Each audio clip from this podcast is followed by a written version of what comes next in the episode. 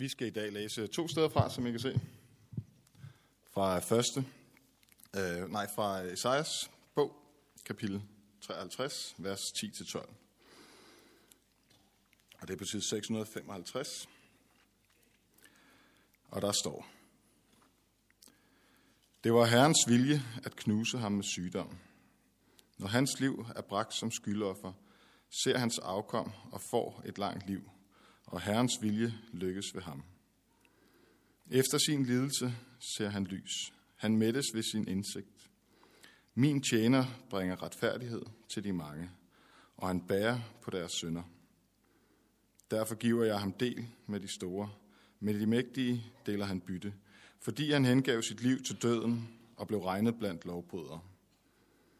Men han bar de mange synd og trådte i stedet for syndere.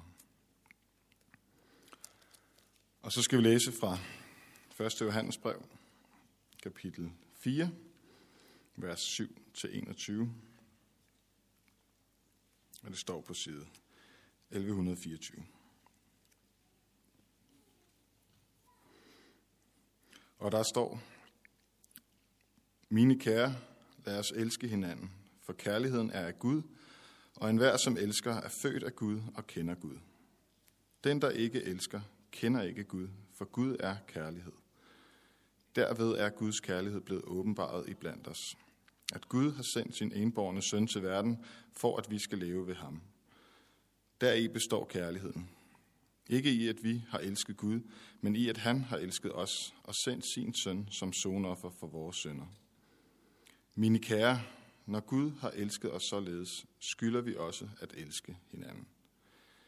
Ingen har nogensinde set Gud, men hvis vi elsker hinanden, bliver Gud i os, og hans kærlighed er fuldendt i os. Deraf ved vi, at vi bliver i ham og han i os. At han har givet os af sin ånd. Vi har set og bevidner, at faderen har sendt sin søn som verdens frelser. Den, der bekender, at Jesus er Guds søn, i ham bliver Gud, og han bliver i Gud. Og vi kender og tror på den kærlighed, som Gud har til os. Gud er kærlighed, og den, der bliver i kærligheden, bliver i Gud, og Gud bliver i ham. Deri er kærligheden fuldendt i os, at vi har frimodighed på dommens dag, for som han er, er også vi i denne verden.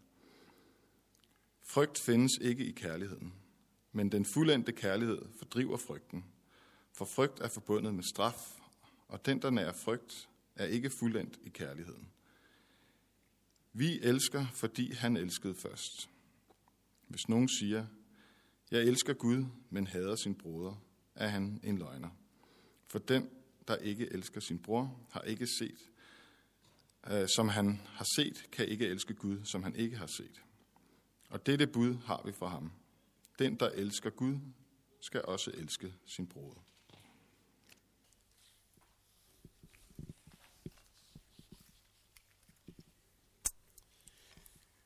Vi vil øh, bede sammen.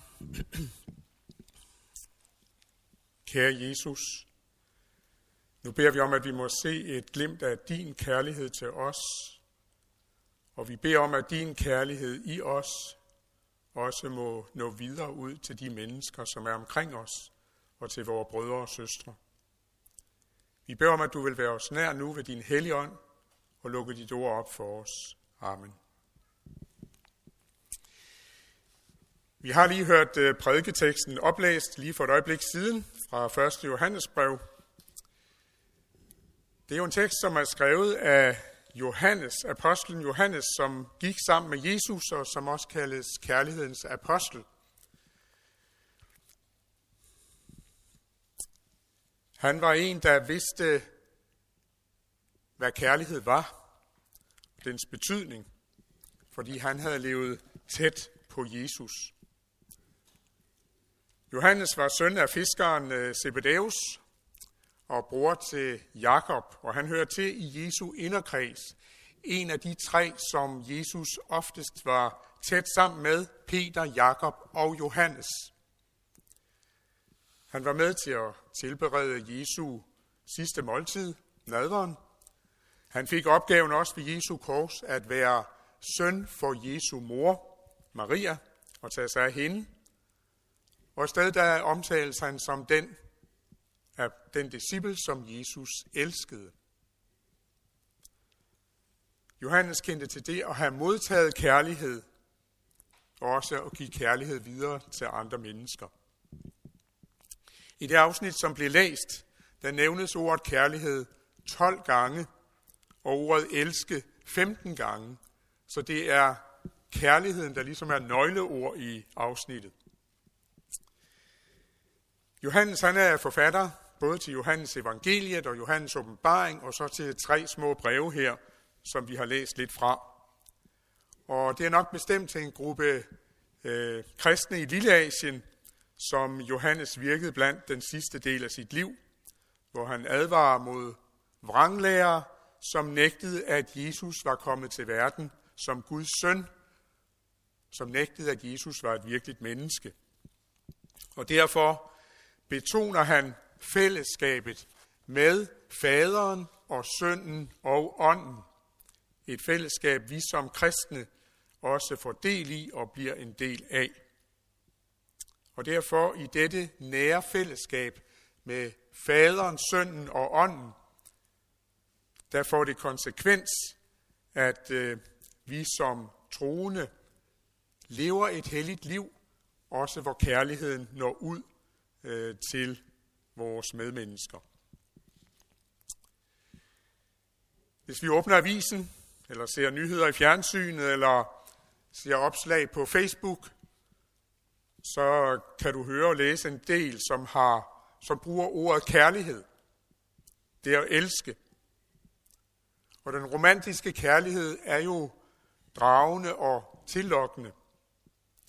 Og i vores tid, der omtales kærligheden tit som den frie kærlighed, hvor man kan tænke, og ja, hvor, hvor, hvor kærligheden måske har et helt andet indhold end det, vi tænker. Hvor man kan leve frit og uden bindinger og knytte relationer på kryds og tværs, gøre, som man har lyst til, føler sig tiltrukket af, ofte med seksuelle undertoner. For eksempel aktualiseret i Copenhagen Pride – det lægger op til, at det er legalt at leve, som du vil, uden hensyn til Gud eller til nogen menneskelig autoritet. Det er også derfor, at vi er kommet frem til, at der nu snakkes om 37 forskellige familie- og samlivsformer i Danmark, som accepteres på en måde. I tolerancens navn bliver det ligesom godtaget, og ingen tør tale det imod. Men det, som medierne omtaler som kærlighed og frisind, frisind, det har ikke noget at gøre med det, som Johannes snakker om her. Nej, det er det, der mere og mere promoveres i offentligheden. Det er udtryk for åndelig blindhed og formørkelse.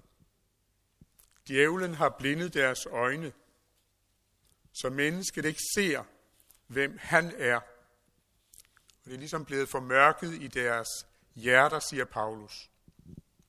Gud har prisgivet dem i deres hjerters begær til urenhed og vandærende lidenskaber, til det usømmelige. Det er lidt af det, vi er vidne til i vores samfund. Også selvom vi som kristne måske på nogen måde godt kan lokkes og drages imod det. For djævlen lokker og gør det attraktivt. Johannes her, han fortæller om en helt anden slags kærlighed, som han opfordrer os til at sætte fokus på. Og det siger noget om, hvem Gud er. Ham, der er ophav til alt liv, alt det skabte, alt det vi ser i naturen. Mennesker, dyr, selv nede på havets bund eller insekter, helt ud til den fjerneste klode og stjerne eller planet. Ham, som har vildet mennesker og skabt hver eneste celle i os. Gud var før alt, ophav til alt det skabte, og hans væsen er kærlighed. Og derfor blev alt skabt som godt, så godt, Gud så, at det var godt. Det skabte var mærket af Guds kærlighed. Det blev skabt og dannet i en tryg og sikker ramme, for at vi mennesker kunne leve i det bedste fællesskab med skaberen selv. Johannes siger, at Gud er kærlighed. Det er hans væsen. Det er hans inderste, og det, der bestemmer hans handlinger, også da han skabte os. Gud valgte at være til for andre, for os mennesker. Gud ville dele hele sin evige tilværelse og sin grænseløse magt ved at give os del i sit rene og hellige liv. Det var målet, han brændte for og stadig brænder for. For sådan er Guds væsen også i dag. Fordi han er kærlighed, er hans inderste ønske, at du og jeg for evigt skal få del i hans guddommelige liv. Det blev vi skabt til. Vi kan aldrig fatte, hvor højt vi er elsket af Gud. Før verden blev grundlagt, har Gud udvalgt os til at stå hellige og uden fejl for sit ansigt i kærlighed, siger Paulus. Det var Guds kærlighedstanke, inden noget blev skabt i det hele taget. Men læg mærke til, at der også stod i det vers, at Gud har skabt os i ham, i Kristus, til det.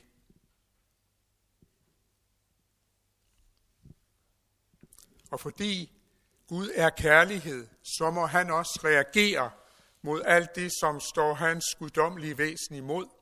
Han reagerer mod synden. Han må straffe den. Han kræver betaling, soning for alt det, som krænker ham selv. Og derfor var menneskets ulykke, at vi faldt i synd, vendte os bort fra Gud, gik vores egen vej. Det var først Adam og Eva, men ikke kun, for vi har arvet synden gennem dem. Ved menneskets første ulydighed vendte vi os bort fra Guds bestemmelse. Djævlen har ved synden fået råderum og er virksom i dag, også i os, så vi af natur gør det, som er Gud imod. Eller at vi i hvert fald ikke er hellige og rene, så vi kan bestå for hans ansigt. Vi har et ondt hjerte. Vi gør onde ting mod vores medmennesker. Ikke at vi ikke kan gøre godt, for det kan vi. Men dybest inde, så er synden der og skiller os fra ham, skiller os fra den hellige. Og vi kender jo godt misforholdet hos os selv. Jeg elsker ikke Gud af hele mit hjerte, hele mit sind og min næste som mig selv. Jeg er egoistisk. Jeg har mig selv på førsteplads. Det onde er en del af mig. Vort hjerte er ikke af natur som Guds. Alene kærlighed, hellighed, renhed. Og derfor kan vi ikke være i hans nærhed, sådan som vi var bestemt til det. Men Gud kendte til faldets mulighed, da han skabte, før han skabte. Og derfor udvalgte han os i Kristus til sin herlighed. Det er det befriende. Guds søn har fra evighed været garant for, at vi kunne nå Guds evige bestemmelse med os. Det ord, som Johannes her i afsnittet bruger om kærlighed, det er agape. Og det er en af tre forskellige former for kærlighed, som Bibelen bruger. Jeg slog betydningen op.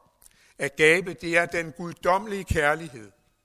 Den dybe, altomfattende, uselviske, selvopoffrende kærlighed som elsker uden forbehold og betingelser, som giver, fordi den ikke kan lade være. Sådan er Guds kærlighed. Der omtales også to andre ord for kærlighed. Der, hvor den ene er måske lidt den mere erotiske, romantiske kærlighed, tiltrækningen mellem mand og kvinde. Og det er også noget fint og godt. Der er noget fint også i forelskelsen. Men Guds kærlighed, gabe, er en del af hans væsen og siger noget om, hvordan han er. Den alt, den selvopoffrende, den alt fagnende, rene kærlighed har sit udspring i ham. Og det store er, at Gud har vist sin kærlighed til os. Gjort den synlig i handling. Åbenbaret den blandt os ved, at han sendte sin søn til verden. Gud har åbenbaret sig selv i Jesus. Kærligheden i handling ser du i Jesus Kristus. Det var fordi, at Gud elskede os, at han sendte sin søn. Kærligheden består ikke i, at vi har elsket Gud, men i, at han har elsket os og sendt sin søn som et sonoffer for vores sønder. Gud ynkedes over den menneskehed, der var under hans dom og på vej væk fra ham mod fortabelsen. Guds kærlighed griber ind for at frelse dig og mig. Og det har vi måske hørt så tit, sådan at vi måske ikke for alvor rigtig hører det. Men det er det, din tro bygger på. Det, som gør dig til en kristen. At han kom os i møde med sin kærlighed. Og så nævnes der to ting her, at Gud sendte Jesus som sonoffer for vores sønder, og for at vi skal leve ved synden. Hans kærlighed rammer jo ind i min situation, hvor jeg som en fortabt synder er under Guds dom. Der sender Gud sin søn for at zone min synd, for at bringe det offer, som tilfredsstiller Gud. Som han betaler selv prisen, tager straffen, tager dommen for mig. Så jeg renses og det, der før skilte fra Gud, bliver fjernet. Han tog det. Jesu Guds søns blod renser os fra al synd, siger Johannes tidligere i brevet her. Gud handler ved Jesus til gavn for mig. Han lader synden bære min synd, så han bliver straffet for den, og jeg går fri. Det er frelse. Det skete på et kors langt fredag på Golgata, hvor han blev forladt af Gud og måtte dø og blive et offer. Et offer, der skaber forlig for mine og hele verdens synder. Gud handlede ved Jesus til frelse for dem, som vil tage imod ham.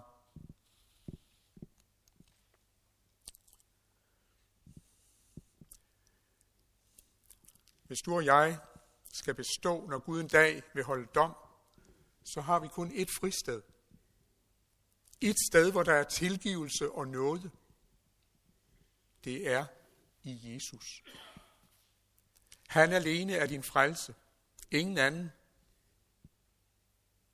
For du kan ikke frelse dig selv. Dine gode gerninger kan det ikke. Du må tage imod Jesus som Guds kærlighedsgave til dig. Der er ikke frelse i nogen anden end Jesus, hvis du vil møde en nådig Gud. Lever du? Er det blevet liv for dig? Er jo personligt det her.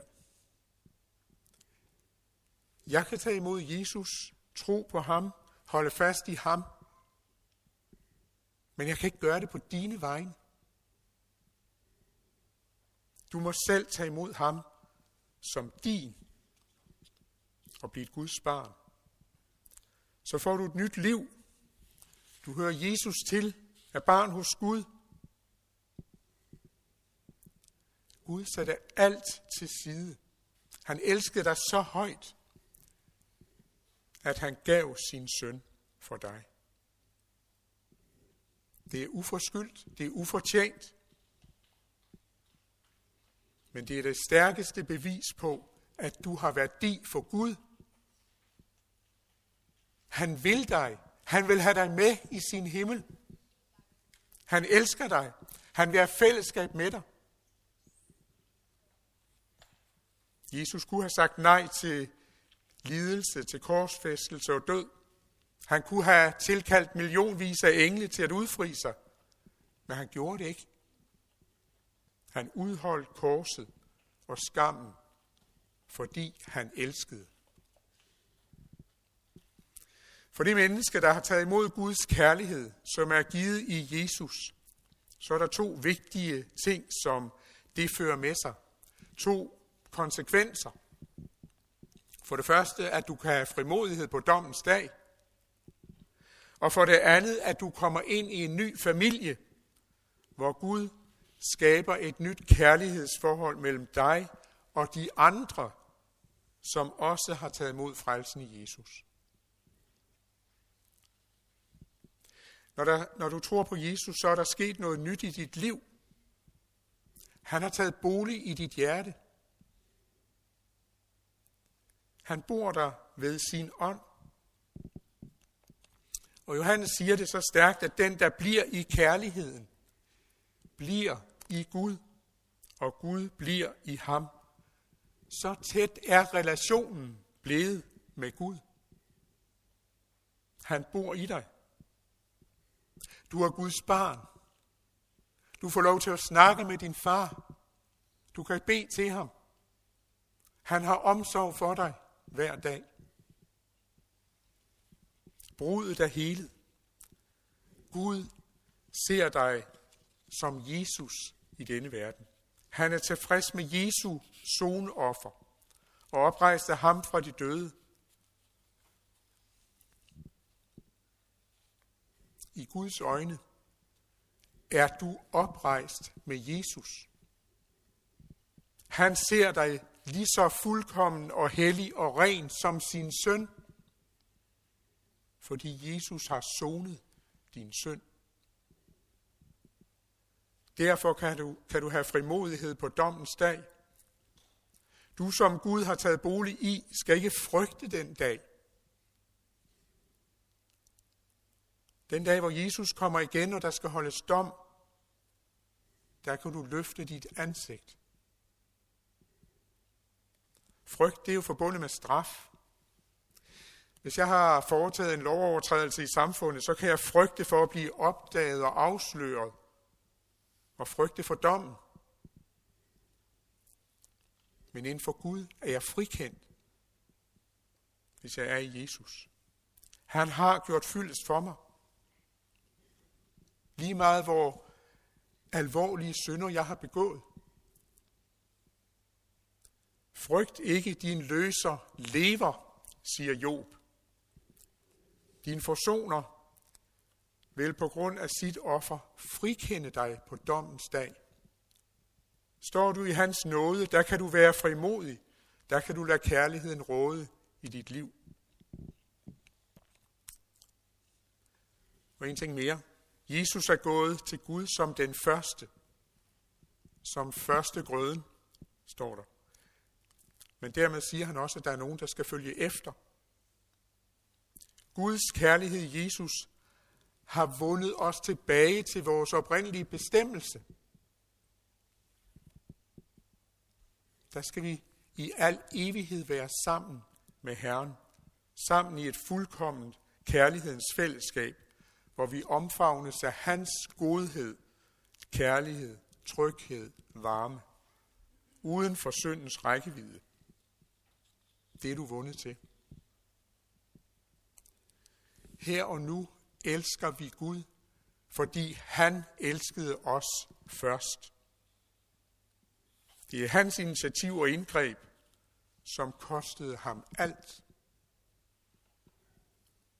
Kærligheden drev ham til, til at frelse. Hans kærlighed trak os op af undergangens grav, op af slam og døn, siger David. Han bøjede sig ned til mig og hørte mit råb om hjælp, og så trak han mig op og satte min fod på en klippe, så jeg står fast, siger han. Da jeg var missionær i Etiopien for mange år siden, der havde jeg en oplevelse, hvor måske lige det her blev understreget vældig stærkt, det som David her siger. I en periode, der var vi uden elektricitet i byen Geresse, hvor vi boede, og en aften så kom øh, vagtmanden og kaldte på mig, jeg skulle komme med ham, for han havde hørt en lyd på grunden, som han var lidt utryg ved, og hans lomlygte virkede ikke rigtigt, og sådan. så jeg må lige komme med. Så fat i lomlygten og, og med ham, og så kommer vi til klinikområdet, hvor der rigtig nok var en mærkelig lyd. Det kom fra det overdækkede toilet, som ligesom i praksis var et cementdække, hvor der var et hul i, hvor man kunne besøge ned i et stort hul i jorden. Øhm, og så lyste jeg med lommelygten, og kom også til at lyse ned i hullet. Og dernede i hullet, der lå der et lille barn og sprællede. Det levede nu, men var egentlig på vej mod døden. Hullet var heldigvis pænt fyldt op, så det var lige med nød og næppe, jeg kunne række min arm ned og få fat i den lilles arm og langsomt trække vedkommende op. Det var en pige. Hun overlevede. Hun blev kaldt Tarefet. Det betyder, at hun blev frelst. Hun blev reddet. For mig blev det et stærkt billede på, at Gud i sin kærlighed rakte ned til mig i undergangens grav, i slam og døn, og trak mig op og satte min fod på klippen på det faste fundament. Vi kan have frimodighed på dommens dag. Den anden ting, det er, at vi er kommet ind i en ny familie, hvor Gud skaber et kærlighedsforhold mellem dig og de andre, som også har taget imod frelsen i Jesus. Det kommer igen flere steder i vores tekst. Lad os elske hinanden, for kærligheden er af Gud. Det er naturlig følge af det, at han har frelst os. Det er en følge for dig, der er født af Gud og elsker Gud. Hans kærlighed rækker ud, også på det vandrette plan, til dine kristne brødre og søstre, til andre mennesker. Begrundelsen er, at når Gud elskede os så højt, så skylder vi også at elske hinanden. Din bror og din søster er elsket med en ubeskrivelig stor kærlighed, ligesom dig. De andre har også enorm værdi for Gud. Og derfor vil det at hade dem være at ringeagte den kærlighed, som Gud har mødt dem med og de andre.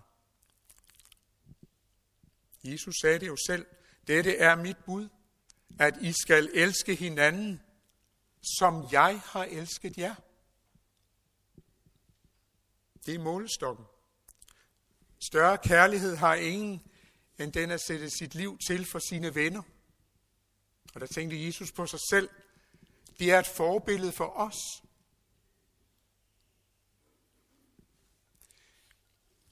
Vi har aldrig set Gud. Alligevel elsker vi ham. Din kristne bror eller søster, dem du er i menighed med, i dem har Gud taget bolig. De er et synligt bevis på Guds nærvær. Hans ånd bor i dem. Hans kærlighed er i dem. Du kan lige prøve at vente rundt og se på de andre herinde.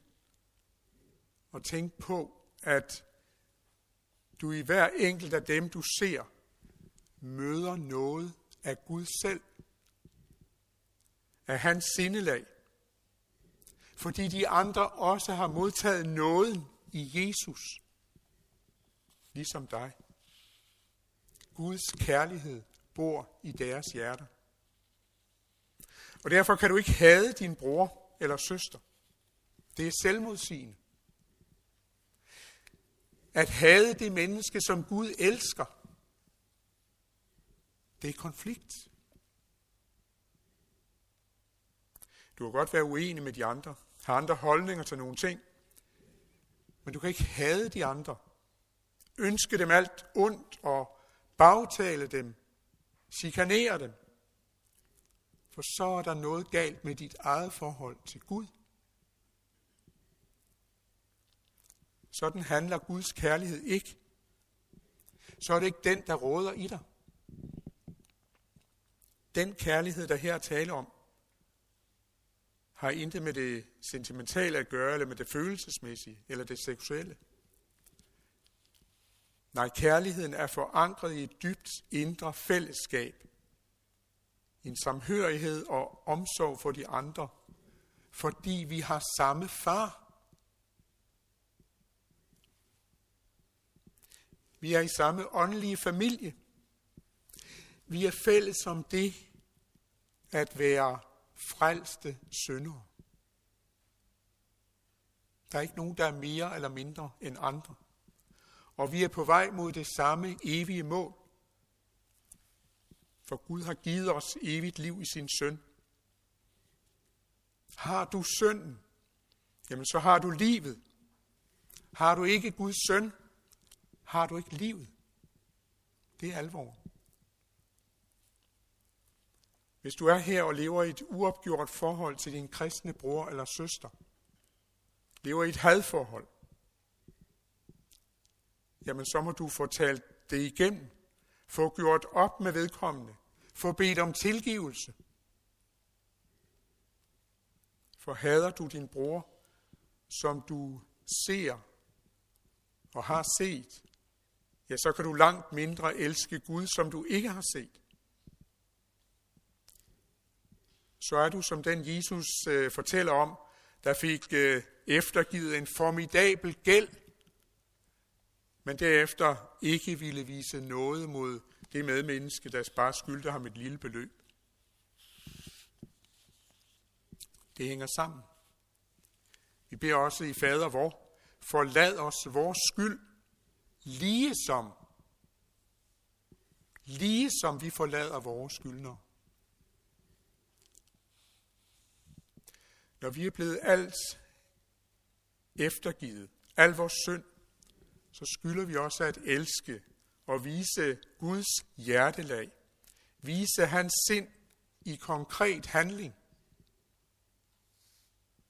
så vi kan tilgive vores bror, så vi gør godt mod hinanden, så vi viser gæstfrihed, så vi viser omsorg, så vi beder for hinanden, så vi bærer hinandens byrder, når noget er svært. Græder med den grædende. Glæder os med den, der er glad. Det største vidnesbyrd for værtslige mennesker er at se på de kristne og sige, se hvor de elsker hinanden. Sådan var det i den første kristne tid. Er Kristi kærlighed til os synlig i den måde, vi er på over for hinanden. Så det virker dragende og tiltrækkende for andre. Desværre er det ikke altid sådan. Men Guds kærlighed i os gør det muligt. Når vi nu har fået alt tilgivet hos Gud og er genstand for hans overstrømmende kærlighed i Jesus, så må du for Jesus skyld elske din bror og søster, som Gud har taget til noget og givet evigt liv, ligesom dig. For ellers udelukker du dig selv fra Guds kærlighed. Lad os bede. Kære Jesus, vi takker dig for din uendelig store kærlighed. At du har sendt din søn som sonoffer for vores synder. Og til vej bragt frelse for os. Herre, så beder vi om, at du må virke i os også sådan, at vi viser dit sind, din kærlighed i mødet med de mennesker, som vi er fælles med i troen, men også mod andre mennesker, sådan at de må drages mod dit rige. Herre, må du bo i vores hjerter. Må du virke igennem os. Det beder vi om. Amen.